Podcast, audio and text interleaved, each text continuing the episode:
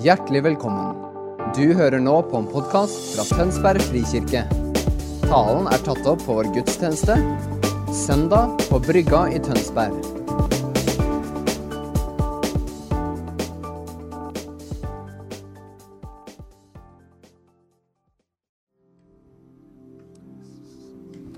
Takk deg, Herre, at vår lengsel er å være der du er, Herre.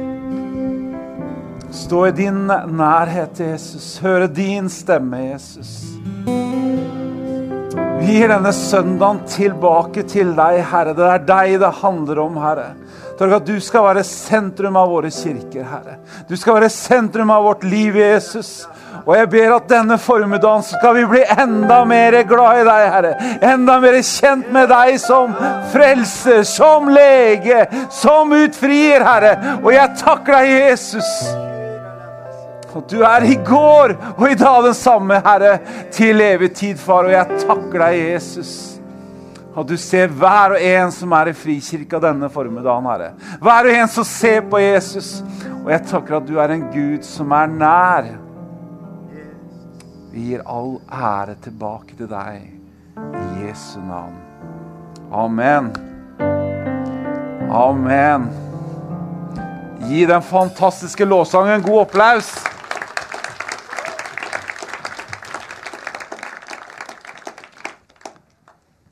Går det bra med dere? Jeg er nydusja, så jeg altså veit dere det. Daniel fortalte vekt og alt. Det, ikke, dere vil, det trenger dere ikke vite engang.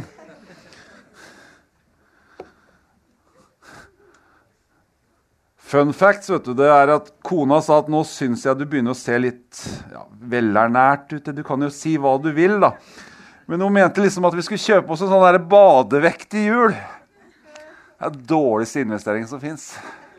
Da blir liksom det en realitet, da. Det det tallet sier. Men eh, jeg, jeg, prøver å synke, for da jeg skal avta, han skal vokse. Men jeg tror jeg har misforstått et eller annet langs veien der. altså. Jesus møter. Jeg heter Pål André Joyce Wigard. Jeg er innsamlingsleder i Evangeliesenteret. Og folk spør meg hva er det du egentlig gjør. Jeg er veldig flink på kollekter.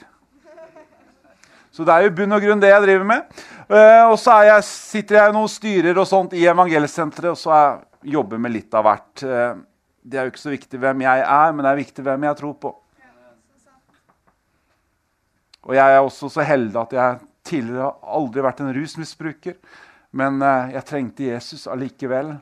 Og så har de guttene, de jentene som går ut på gatene her i Tønsberg, går på gatene i, i Norge, det har rørt med hjertet mitt. Hvorfor? Jo, for det er noen sine barn. For det her er en tjeneste som ikke alle ser når vi går rundt i byen. Men det er noen blant oss som jobber på våre kontaktsenter, jobber i evangelsenter, som ser den ene som vi andre ønsker å gå forbi. Og jeg er ikke noe bedre bestandig, jeg heller. Det er mange ganger jeg også går store omveien forbi. Men de stopper opp, de bryr seg, de bøyer seg ned. Hvorfor? Jo, for det står i Lukas 1910 menneskesønnen kom for å frelse det som er fortapt. Og vi er alle fortapt uten en frelser i Jesus Kristus. Ja, der er vi i bildet allerede. Fantastisk. Menneskesønnen kom for å frelse det som var fortapt. Vi trenger alle et møte med en levende Jesus. Han kom for å sette oss i frihet. Evangeliesenteret. Hvor mange kjenner godt til Evangeliesenteret? Nå er det litt lys mot meg, så jeg ser ikke alle. Jeg ser noen hender. Da blir det veldig fint når jeg skal be fram til forbund etterpå. Og Da kan alle dere som rekker opp hendene, komme fram. Men eh, la oss snakke om eh, Evangeliesenteret ble starta for 40 år siden i fjor. Eh, men Evangeliesenteret begynte lenge før det. Jeg har satt opp et bilde av Lise og Ludvig Karlsen. Det var disse som starta Evangeliesenteret. Lise og Ludvig var alkoholikere. De hadde vært det i mange år. Og det blir gøy å filme meg, skjønner du, for jeg går litt. Og så, og så, så, så, så var de Alt håp var ute, bokstavelig talt. Ludvig tenkte jeg har ikke noe mer å leve for. Han skulle ta sitt eget liv. Han ble redda på en mirakeløs måte og tatt imot Jesus. Og så begynte han etter tre uker med å forkynne evangeliet. Han tenkte at det, det må jo være mer enn at jeg sitter og ser noen i bakhuet. Det må være noe mer, mer evangeliet som gjør at jeg kan dele det videre til de andre. Så det skjedde med Ludvig. Og så tenkte han at jeg har jo møtt noe som er sterkere enn spriten. For jeg har møtt Jesus. Dette må jeg gi videre. Og så bodde han på den beste bydelen i Tønsberg. Han bodde på Tolsrød. Halleluja. Det er, bare, det er så profetisk i dette. vet du. Han bodde på Tolsrød. Og så hadde han en garasje. Og hva gjorde han da? Han tok den, det han hadde. For Noen ganger så leter vi etter at jeg må bare få alt på orden først. Jeg må ha økonomi, jeg må ha alt til rette for jeg kan gjøre noe for Guds rike. Nei, vi kan komme med det vi har. Denne gutten som kom med nista si, vi kan komme med det vi har til Jesus. Det er ikke mye, Jesus, men kan du bruke det, så bruk det til din ære så starta han i garasjen sin på Tolsrød. Innreda to rom og tok imot de første guttene og jentene. For han ønska å gjøre en forskjell. Og så var jo Ludvig vekk. Han var jo predikant. Han var jo en kommunikator som ingen har sett make til. Han, han gikk Egil Svartdal en god gang, og Morten Edvardsen en god gang. også. Ludvig Karlsen, jeg, jeg, jeg, jeg er inhabil, men han var kjempedyktig. Han var god å forkynne så havna han i en vekkelse i Hamar. Philadelphia Hamar. Skulle opp der som hjelpeforstander begynnelsen av 80-tallet. Og så er det jo det som alle evangelister drømmer om. Det bryter ut vekkelse. På halvannet år. 300 mennesker tar imot Jesus. Familier blir snudd opp ned. Menigheter oppstår ut ifra vekkelsen som Ludvig Carlsen sto i. Og jeg har tenkt mange ganger Om Ludvig hadde bare vært der oppe som seniorpastor, og ikke gjort noe mer enn å vært liksom den som sto i bresjen for en vekkelse, så hadde han vært en av de største heltene i norsk historie i, i, i kristen Norge. Det er ikke mange som har stått i større vekkelse enn det Ludvig opplevde der oppe. Men nei, du. For det hadde vært en brann på innsiden å nå, nå mennesker der ute. Fordi menneskesønn kom for å frelse. Så han tok sammen en gjeng så kjøpte de det første stedet på Roa. Du ser i bakgrunnen der oppe. Åpningsdagen 1983. Det er historien til Evangeliesenteret. Og så kunne vi jo dødd med Ludvig. Ludvig døde nå i mars, så er det 20 år siden Ludvig døde. Så evangelsenteret kunne lagt ned når Ludvig døde. Nei. For visjonen er å oppsøke, hjelpe og rehabilitere mennesker som har havnet i sosial nød pga. sitt rusmisbruk. Og det er det vi jobber etter 40 år etter. Den samme visjonen, den samme brannen. Å se mennesker og reise dem opp i Jesu navn. Nå fikk dere litt eh, innblikk i historien. Skal vi gå i teksten? Da skal vi gå inn i Jeg må se på mine notater her. Hvor er vi? Ja, der er vi! Og dere lurer på hvor er det han er. og Det lurte jeg også. Det er Johannes 8. Vi er innom først Johannes 8, så skal vi gå inn i leseteksten etterpå. Og dette er jo denne kjente historien når vi leser de skriftlære og fariseerne førte til han en kvinne som var grepet i ekteskapsbrudd, og de stilte henne fram for ham. Og de sa til han, 'Mester, denne kvinnen er grepet på fersk gjerning i ekteskapsbrudd.'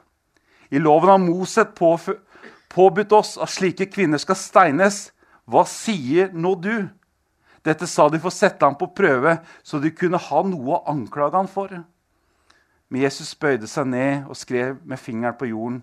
Men da de fortsatte å spørre han, rettet han seg opp og sa til ham, Den av dere som er uten synd, han kan kaste den første steinen på henne. Så bøyde han seg ned igjen og skrev på jorden. Men da de hørte dette, gikk de bort én etter én, de eldste først. Jesus ble alene tilbake med kvinnen som sto der. Da rettet Jesus seg opp og sa til henne, 'Kvinne, hvor er De? Har ingen fordømt deg?' Hun sa, 'Ingen, Herre.' Og Jesus sa, 'Heller ikke jeg fordømmer deg. Gå bort og synd ikke mer.'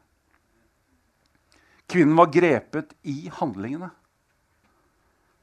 De hadde all grunn til å steine henne for det hun hadde gjort, for loven var tydelig den gangen på det.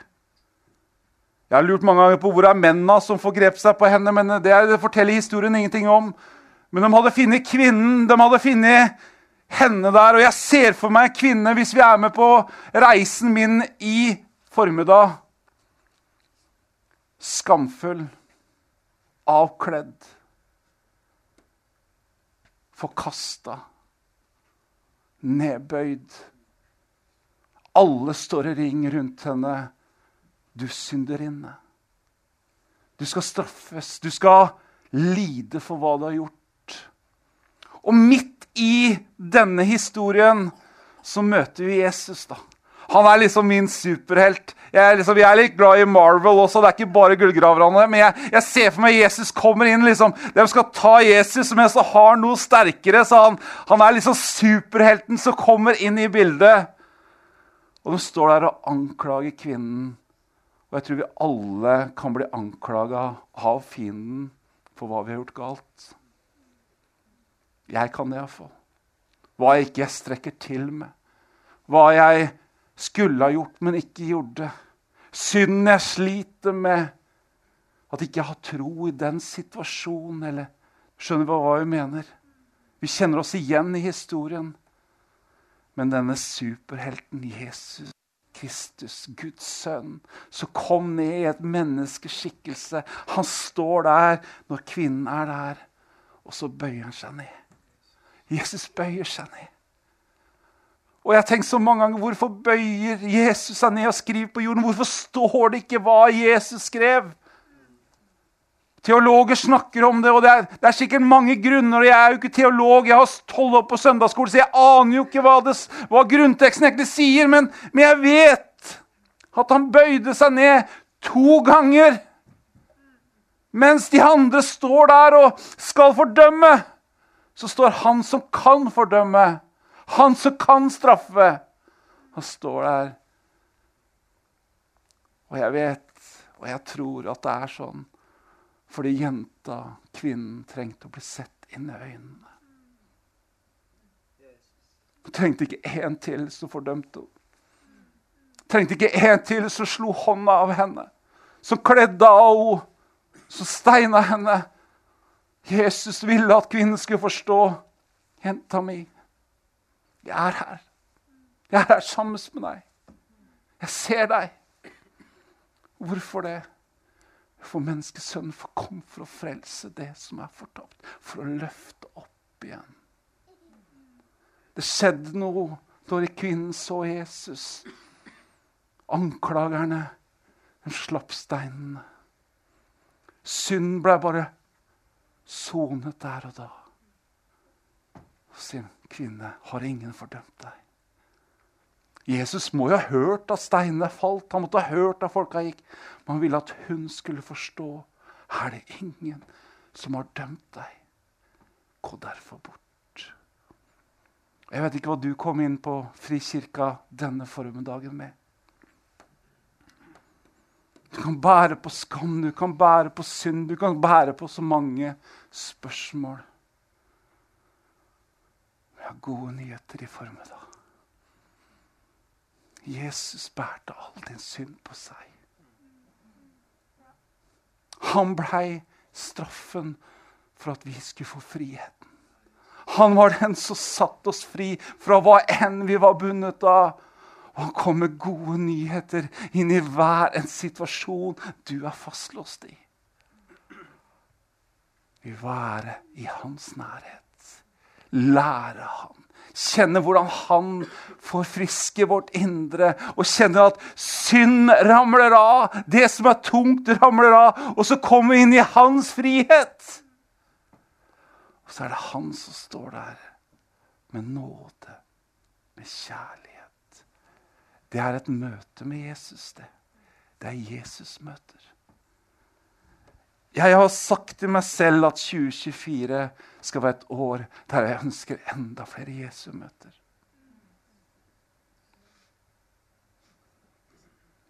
For jeg vil møte mennesker sånn som Jesus møter dem. For vi, vi, alle vet jo, la oss være ærlige for dem da, hvis vi har gjort noe galt, hvor mange er klar over at man har gjort noe galt? Begge hendene. trenger jo ingen skal fortelle meg at jeg har gjort noe galt. Så det er jo veldig irriterende når kona sier at 'nå har du gjort det på andre'. Ja, jeg er fullt klar over Ja, men hører du, skjønner du, liksom? Nåde, sier jeg. Nåde.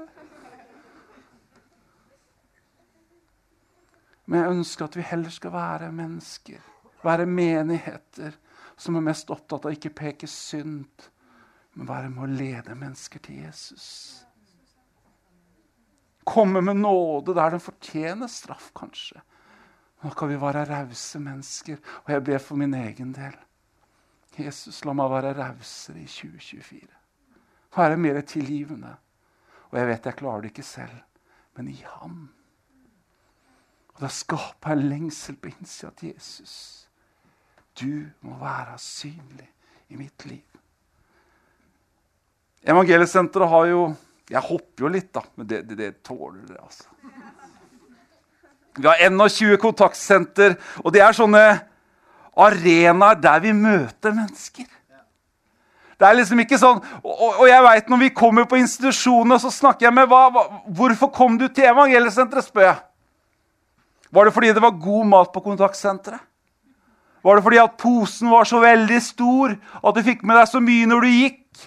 Eller at Daniel var så utrolig kjekk? Var det derfor du blei frelst og du fikk et nytt liv? Alle sier nei. Men veit du hva de sier? Vi kommer plass der noen elsker oss. Vi kommer plass der at hvor enn skitten vi var, hvor enn rusa vi var, hvor enn bråket vi var, så blei vi bare elska i sønder og sammen. Så vi visste at det er et eller annet der. De har tro på oss når vi ikke har tro på oss selv. Det er noe som skjer i det møtet når vi som Guds forsamling elsker mennesker i sønder og sammen. Så kjenner vi bare ja, men da er det jo lett å være meg selv.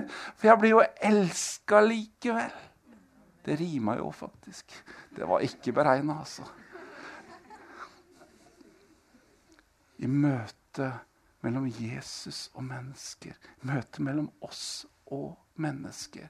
For det står i Kolosserne Kristus i oss, håp om herlighet. Det er Han i oss. Det er ikke vi som tar oss sammen, vi faller sammen. Og så kan vi være vitne for Jesus der vi vandrer.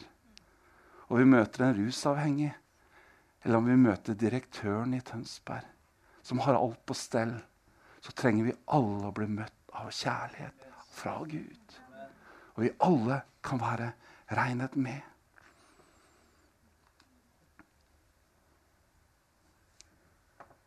Hvor skal vi nå? Et bilde til. Jesus møter ja, ja, ja, Det er bare egentlig for min egen del.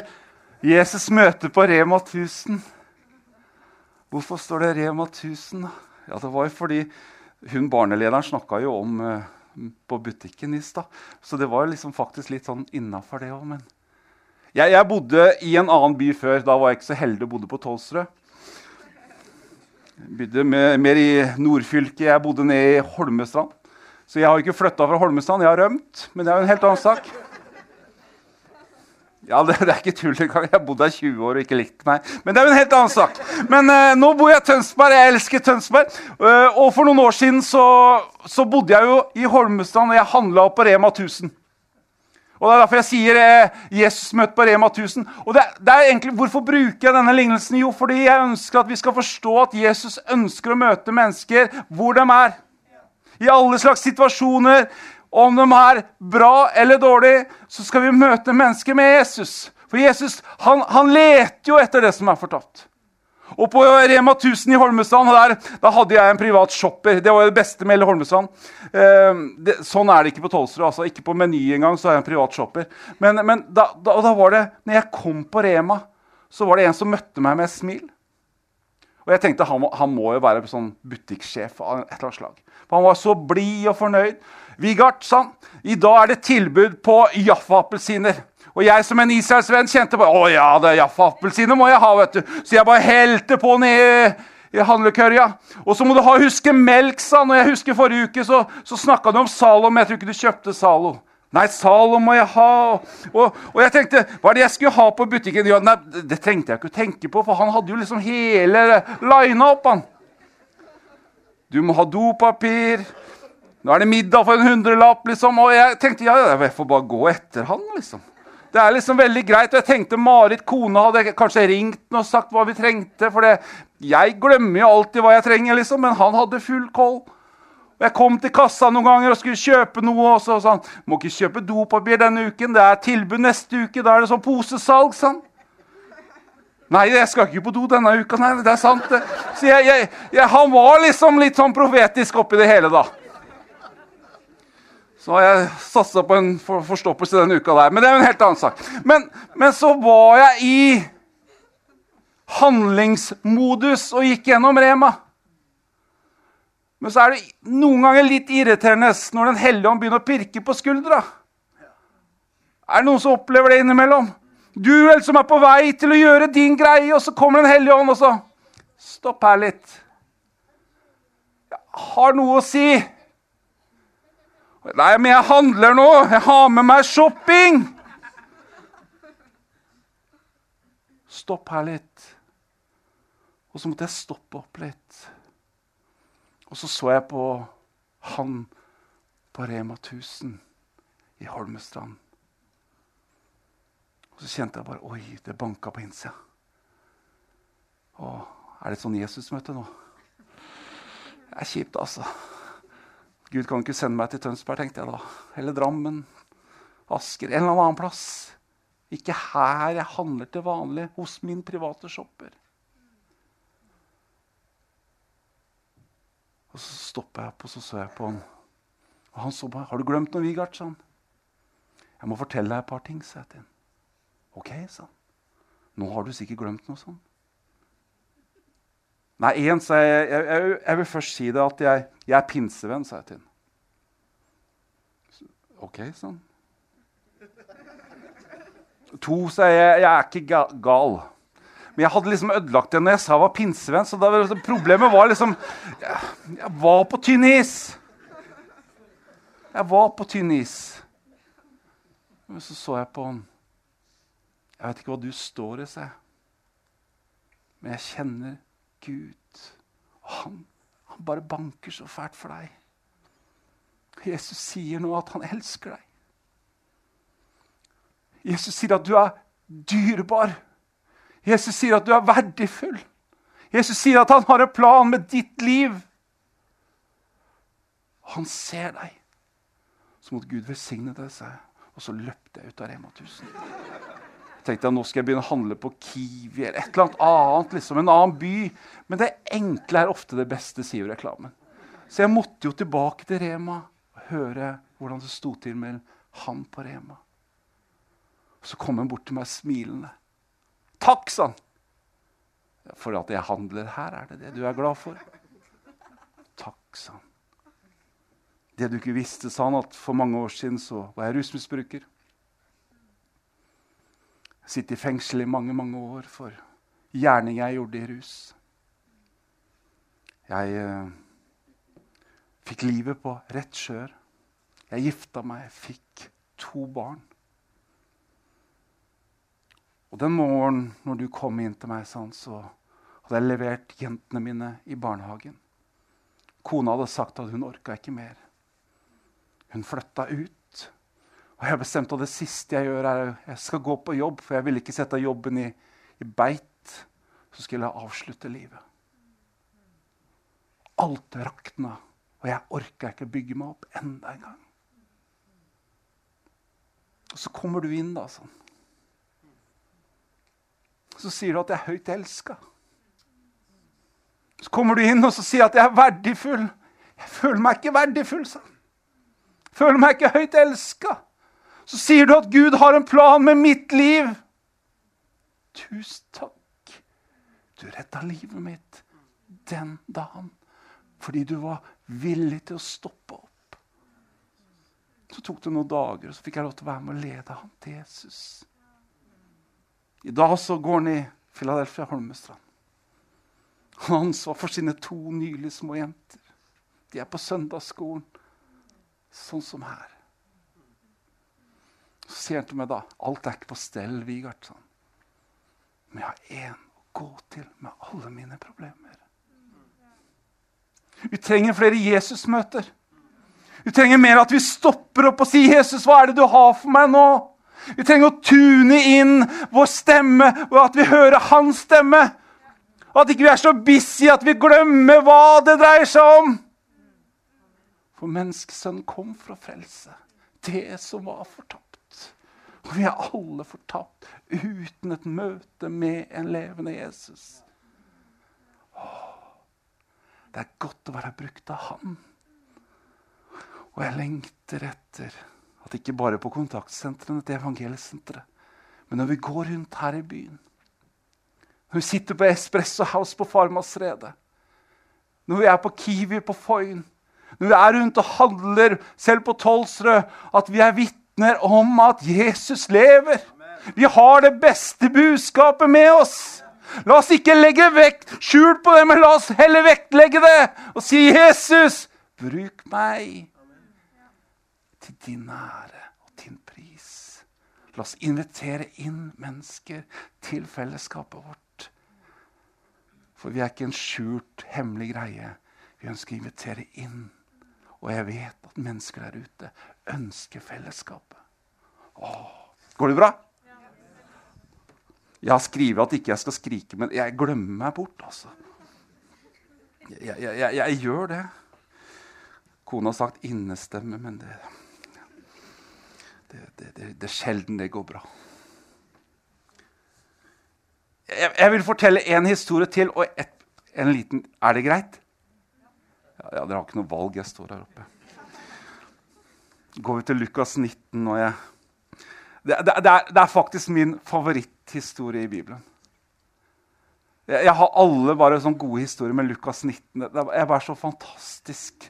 Han tolleren, overtolleren, han som var mest sannsynlig liksom hata hele Jeriko, han møter Jesus. Og vi leser fra vers 3. Han søkte å få se Jesus, hvem han var. Men han kunne ikke komme til for folkemengden, for han var liten av vekst. Han løp da i forveien og klatret opp i et morbærtre for å se han for veien hans gikk forbi. Da Jesus kom til stedet, så han opp og sa til han, 'Sakkeus, skynd deg å komme ned, for i dag må jeg bli i ditt hus.' Han skyndte seg da og steg ned og tok imot ham med glede. Men da de så dette, knurret de alle og sa, 'Han gikk inn som en gjest hos en syndig mann.' Men Sakkeus sto fram og sa til Herren, 'Se, Herre, halvdelen av det jeg eier, gir jeg til de fattige.' og har jeg presset penger av noen, skal jeg gi det firdobbelt igjen.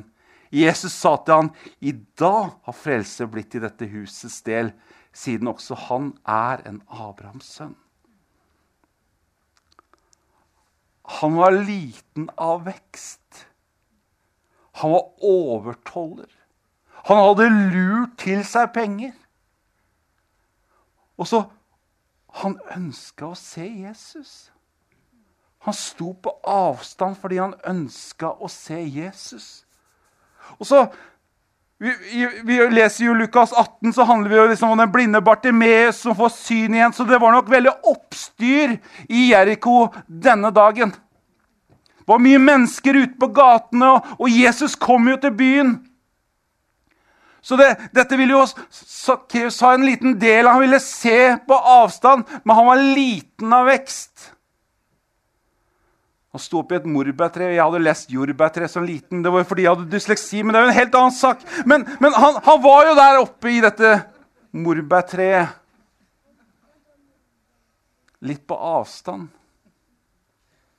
Og jeg vet, der ute blant de som ikke går i menighet, de står litt på avstand og ser hva vi kristne gjør.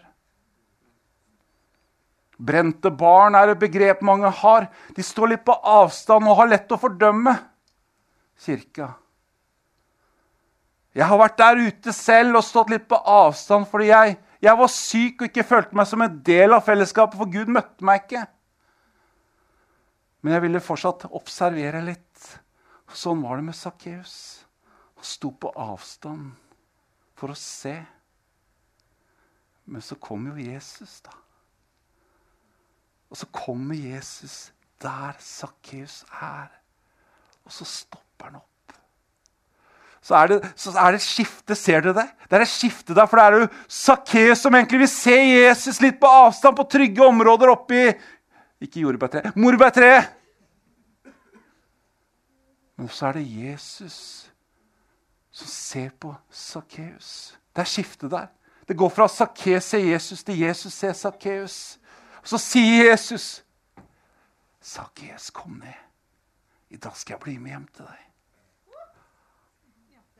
Ja, der ser du. Jesus bli med hjem. Og hva, hva, skjer i dette møtet? Det sier historien ingenting om. Men han kom ut av møtet. Han ga fra seg alt han hadde. Har jeg lurt noe, så skal jeg gi dem fire ganger igjen. Han, han, han skulle være ekstra raus. For et møte med Jesus er litt sånn. Det er det vi ser i Evangeliesenteret. Derfor jobber Daniel døgnet rundt for å være med å redde enda flere mennesker. For han har fått nåde av Gud, og det ønsker han å gi videre. Og jeg tror vi også alle skal kjenne hvordan vi kan oppleve å være en del av Guds store frelsesplan for Tønsberg, for omveien. Hva enn vi kom inn med på møtet da, så er det legedom hos Jesus. Det er frihet hos Jesus. Kommer lovsangen her, og så skal jeg avslutte med en historie mens lovsangen, for da blir det mer åndelig, har jeg blitt fortalt. Hellig ånd bor i keyboardet, er det noen som sier. For mange år siden jeg var innom det litt, så var jeg syk. Jeg hadde psoriasis leddgikt, jeg hadde bektre, vi hadde urinsyregikt. Jeg, eh, jeg fikk tilbud om 100% uføretrygd når jeg var 25 år, fordi jeg klarte egentlig ikke å gå. Jeg gikk med krykker stor del av året fordi jeg klarte ikke å reise meg. Ja, men er ikke du kristen? Er ikke du fra kristen familie? Er det ikke alle som har vært med og bedt for deg? Jo. Og jeg har vært fram til forbønn på hver eneste møte gjennom hele min sykdomsbilde. Og jeg gikk enda mer nedbøyd ut igjen. Enda et nytt møte der ikke Jesus møtte meg. Så jeg veit hvordan Sakkeus hadde jeg. Jeg også blei en sånn som sto litt på avstand og observerte. For jeg var ikke en del av det plutselig. Og jeg tenkte jeg har så mye synd i mitt liv. Har så mye skam i mitt liv. Og, og, og jeg var på et møte til slutt, og jeg, jeg hadde liksom Når livet går nedover, så er det en vei. Vi tenker noen ganger at det skal gå oppover, men det går ikke alltid oppover. Det går bortover på bånn. Du, liksom, du er ene bunken etter den andre. Liksom, du bare går bortover. da. En ene nederlaget etter den andre. Og på et møte som dette her, så satt jeg på bakerste benk. Livet i ruiner. Jeg var ikke ute i rus, men alt annet hadde rakna. Jeg hadde gitt opp. Jeg tenkte, Er dette livet, så veit jeg ikke om jeg orker å være med mer. Så jeg kan relatere til Trond fra Rema. Jeg kan relatere til mennesker som er i en dyp depresjon. Og jeg satt på bakerste benk der og Jesus, la meg slippe. Og på bakerste benk, og møtet gikk mot slutt, og det har vært et herlig møte med låsang, med tilbedelse og Det var liksom alle premissene var til stede for at det skulle være godt å være der. Men jeg kjente enda et nederlag. Gud møtte ikke meg nå i kveld heller. Så kom det en person som jeg ikke ønska å se. Det var mamma. Ikke fordi ikke jeg er glad i mamma, men når du har det så vondest, så har du ikke lyst til å møte noen du kjenner. Når du kjenner alt er vanskelig, så kjenner du bare Det er egentlig det du trenger, men du ønsker ikke. Og jeg satt der på bakerste benk. Godt å se deg, gutten min. Ja. Går det bra, mamma? Jeg ser du har vondt. Og jeg var, jeg var, helt, helt ødelagt. Av gikta, av nederlaget. Jeg var helt ødelagt. Kjenner meg igjen med hun kvinnen. Jeg var helt, ned, jeg var helt nederst. Gutten min, bli med fram til forbønn. Jeg, vet, nei, jeg orker ikke, mamma. Jeg klarer ikke nederlag til. Jeg klarer ikke det mer. Og Jeg visste at hvis jeg skulle bli helbreda, så måtte jeg ha camphordrops og blå farris, og jeg måtte kjøre riktig, jeg måtte gjøre alt rett, liksom. Hun sa, 'Bli med fram'. Og Det er noen ganger vi trenger noe som bærer deg til Jesus. For du klarer ikke å gå sjøl, du trenger å bli båret. Du trenger noe som bøyer seg ned og løfter deg når ting er så vanskeligst. Og der og da så var det min mor.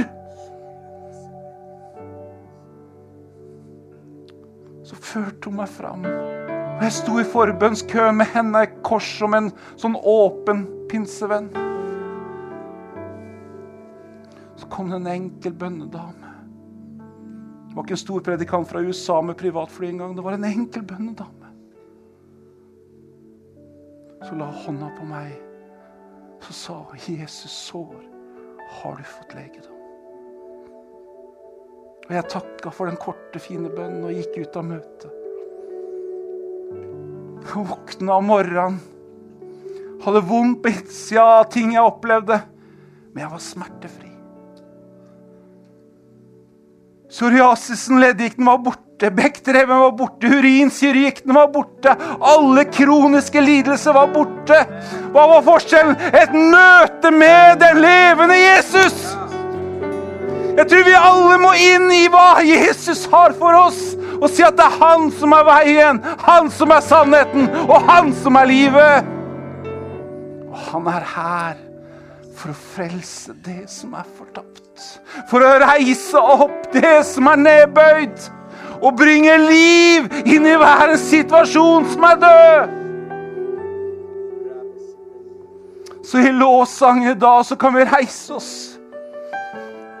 Så er det ikke noe spesielt med meg, men det er noe spesielt med han jeg tror på. Og han er her i Frikirka i formiddag. Han er hjemme hos deg som ser på TV, for Jesus er hos oss.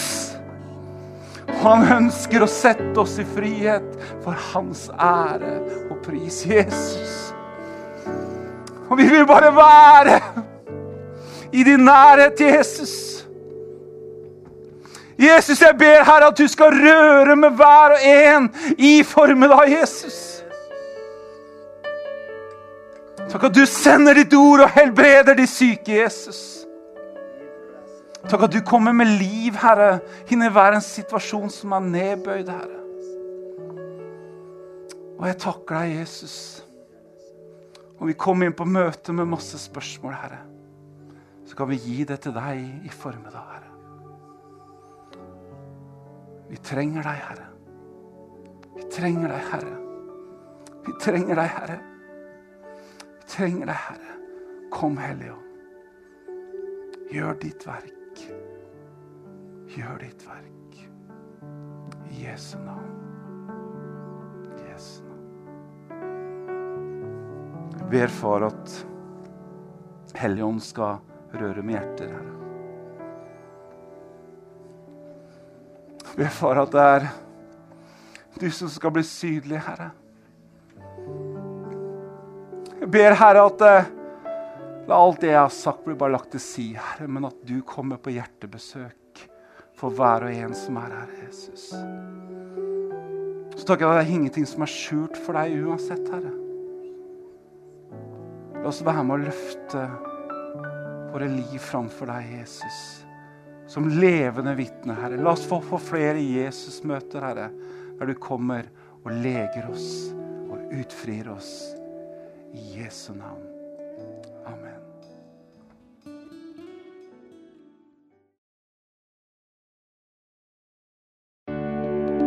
Takk for at du hørte på vår podkast. Har du spørsmål eller ønsker du å vite mer? Søk oss på vår nettside tonsbergfrikirke.no. Du er også velkommen til kirke på Brygga i Tønsberg.